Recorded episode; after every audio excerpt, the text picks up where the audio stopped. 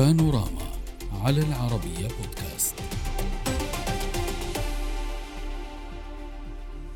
زيارة مفاجئة إلى بغداد لم يتضمنها برنامج جولة وزير الدفاع الأمريكي لويد أوستن الشرق أوسطية التي بدأها الأحد بالأردن وتشمل مصر وإسرائيل.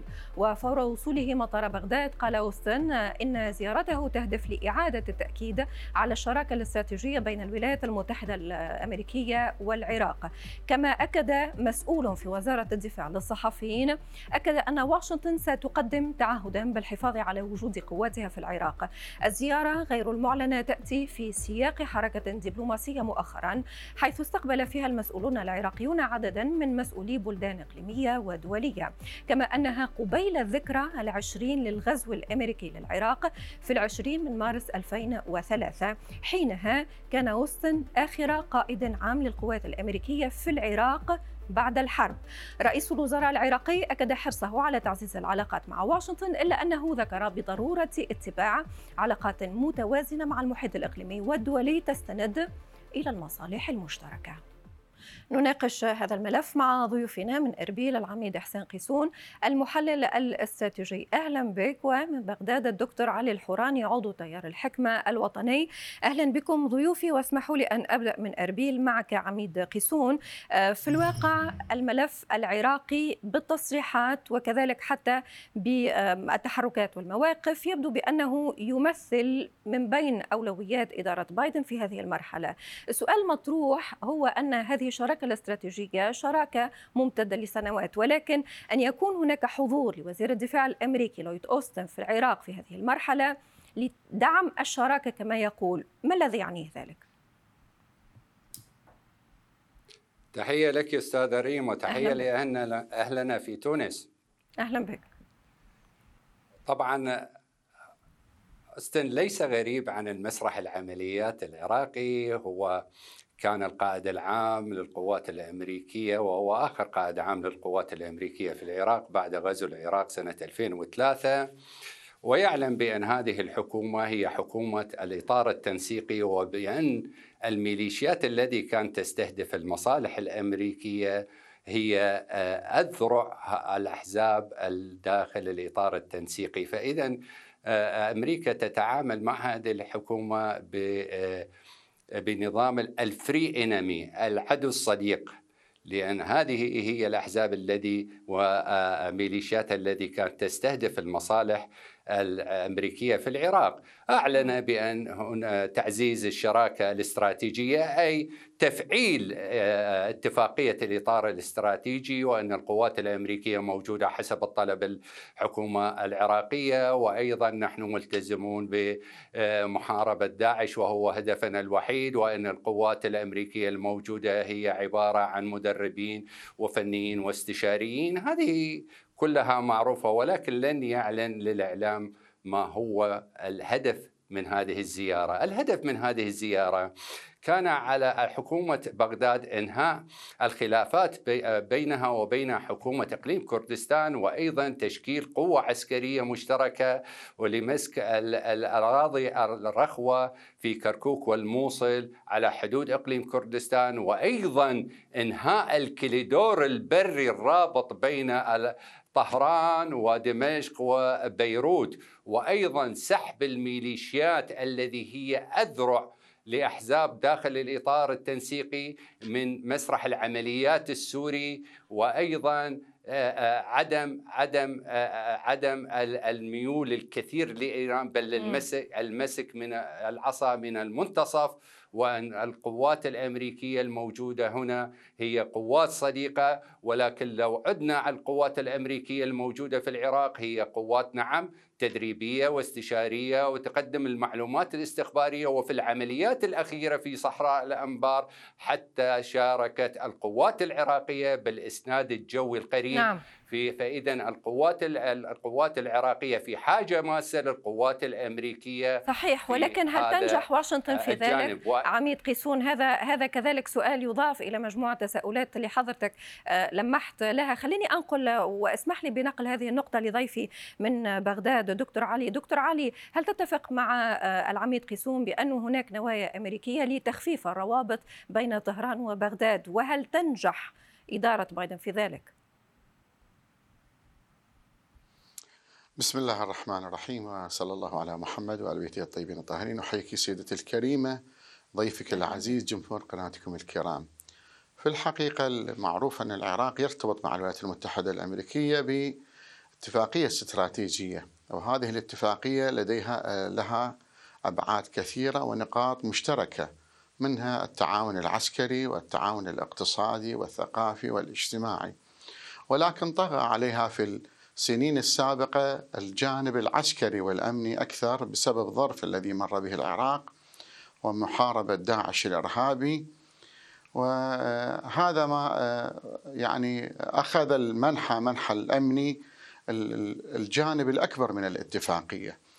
في قبل يعني أقل من شهر كان هناك وفد عراقي برئاسة وزير الخارجية العراقي ذهب إلى واشنطن وناقش معه هذه الاتفاقية نعم. وركز على أن يكون هنالك أبعاد أخرى من ضمنها البعد الاقتصادي واليوم نحن نتطلع إلى تعاون مع الولايات المتحدة الأمريكية ليس فقط في التعاون كما جاء على لسان اسمح لي هذه وزير الدفاع الأمريكي. صحيح ولكن اسمح لي فقط هذه الاتفاقية شبتها بعض الخلافات. تعلم حضرتك بأن هناك كذلك تحركات في الداخل العراقي نسبها البعض لقوات تدعم آه، أو مدعومة بالعكس من طهران.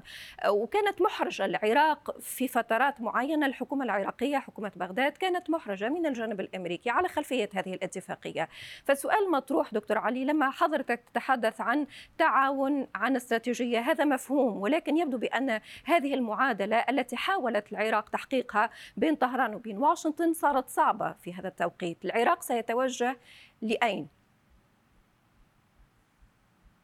لا اولا يعني قبل لا يجي صار سؤالين جنابك الكريم طرحتيهم. خلينا نجاوب على السؤال الأول.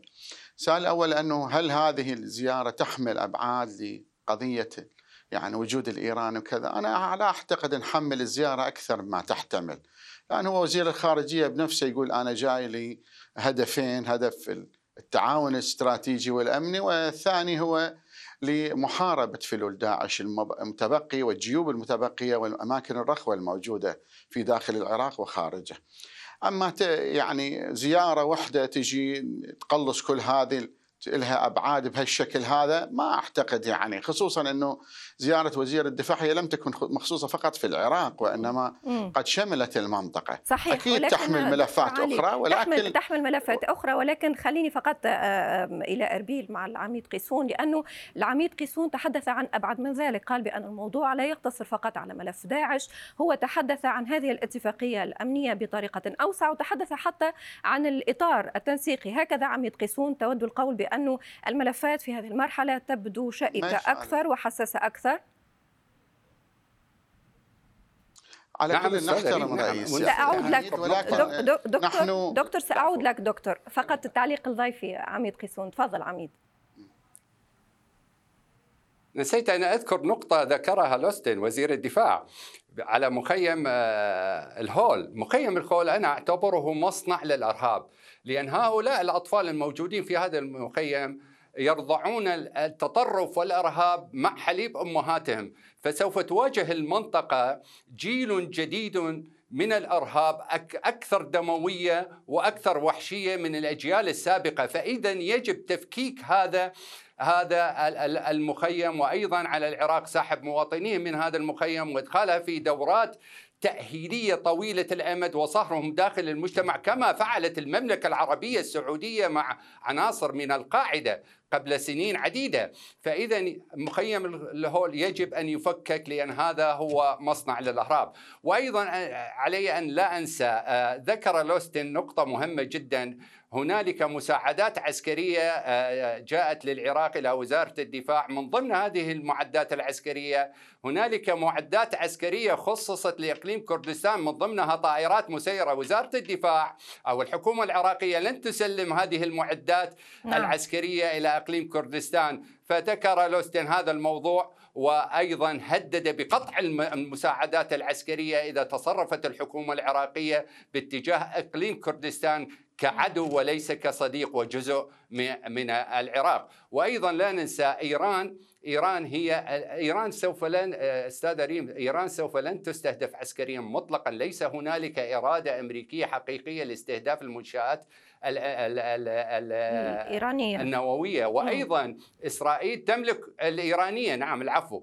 آه، إسرائيل لا تملك القدرات الاستراتيجية ولكن لا تملك القدرات العملياتيه لاستهداف المنشآت النووية، لا تملك طائرات أرضاع جوي ولا صحيح تملك القنابل الخاصة صحيح ولكن عميد 28 وجي بي يو 37 صحيح ولكن لم نصل إلى حد الحديث عن استهداف عسكري، نتحدث فقط عن إمكانية استقطاب، حضرتك تعرف بانه نحن على بعد أيام من الذكرى العشرين للغزو الأمريكي للعراق وكانت هناك انتقادات لواشنطن بأنها بعد عملية الغزو. هذه وكأنها أخلت الطريق لطهران فكانت سنوات من التقارب العراقي الإيراني. فهل تعتقد بأنه في الذكرى العشرين ستعيد واشنطن ترتيب حساباتها وإعادة آه، بغداد آه، لتكون أقرب منها؟ باختصار السؤال الاثنين بإيجاز إن تكرمتما.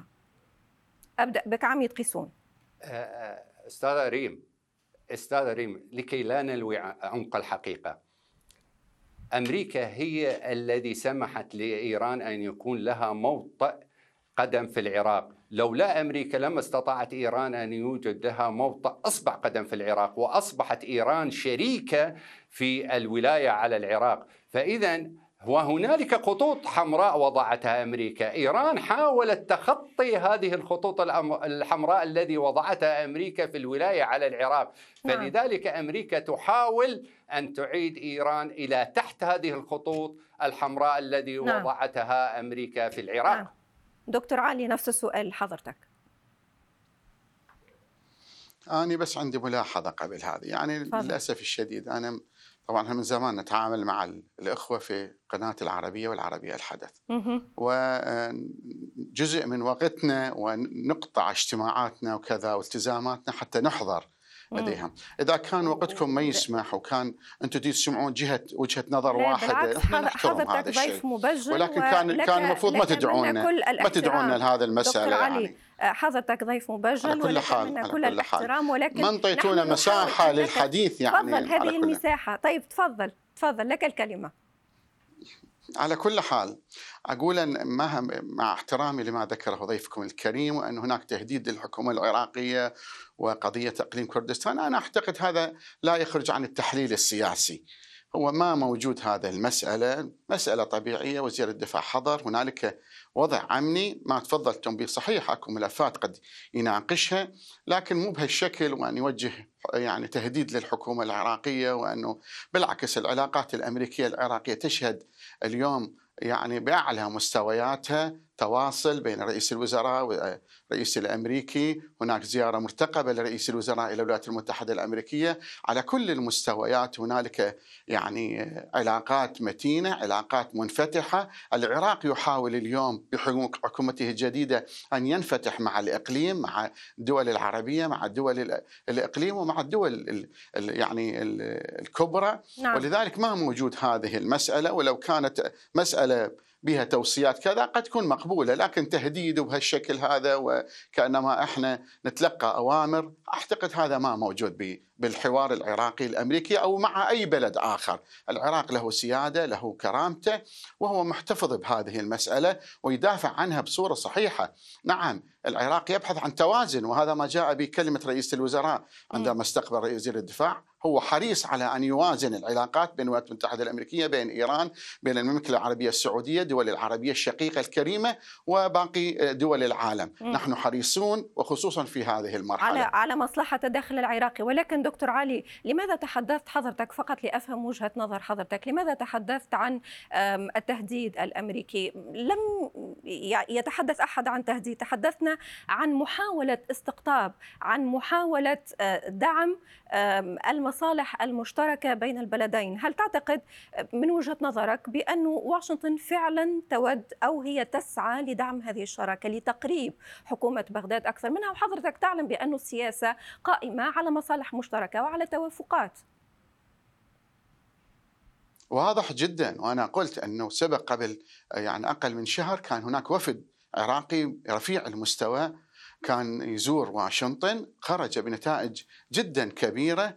العراق اليوم خصوصا في حكومة السيد السوداني هو متطلع لعلاقات عراقية آه، عربية عراقية إقليمية عراقية عالمية تكون مصلحة العراق والتوازن وأن لا يكون العراق محسوب على جانب ضد جانب اخر وبالعكس يستثمر يستثمر موقعه الجغرافي وقربه من الجميع في نعم. تقريب وجهات النظر وهذا ما حدث يعني أعتقد حتى في حكومة السيد الكاظمي عندما صارت هنالك يعني آه، اجتماعات للمملكه العربية السعودية مع آه، إيران حديث كان هنالك لتقارب وجهات النظر بين ايران وبعض الدول العربية بين صحيح. ايران وتركيا و... فنحول العراق نريد أن نحول العراق إلى مساحة جذب الإطار. وتفاهم صحيح. وليس إلى صراع ونكون طرفا بهذا الصراع صحيح على كل نحن سنبقى في متابعة تبعات هذه الزيارة وربما نناقشها في آه، حلقات أخرى أود شكركم جزيل الشكر من بغداد الدكتور علي الحوراني عضو تيار الحكمة الوطني ومن أربيل العميد حسين قيسون المحلل الاستراتيجي. شكرا جزيلا لكما. شكرا جزيلا على الحضور. السلام عليكم.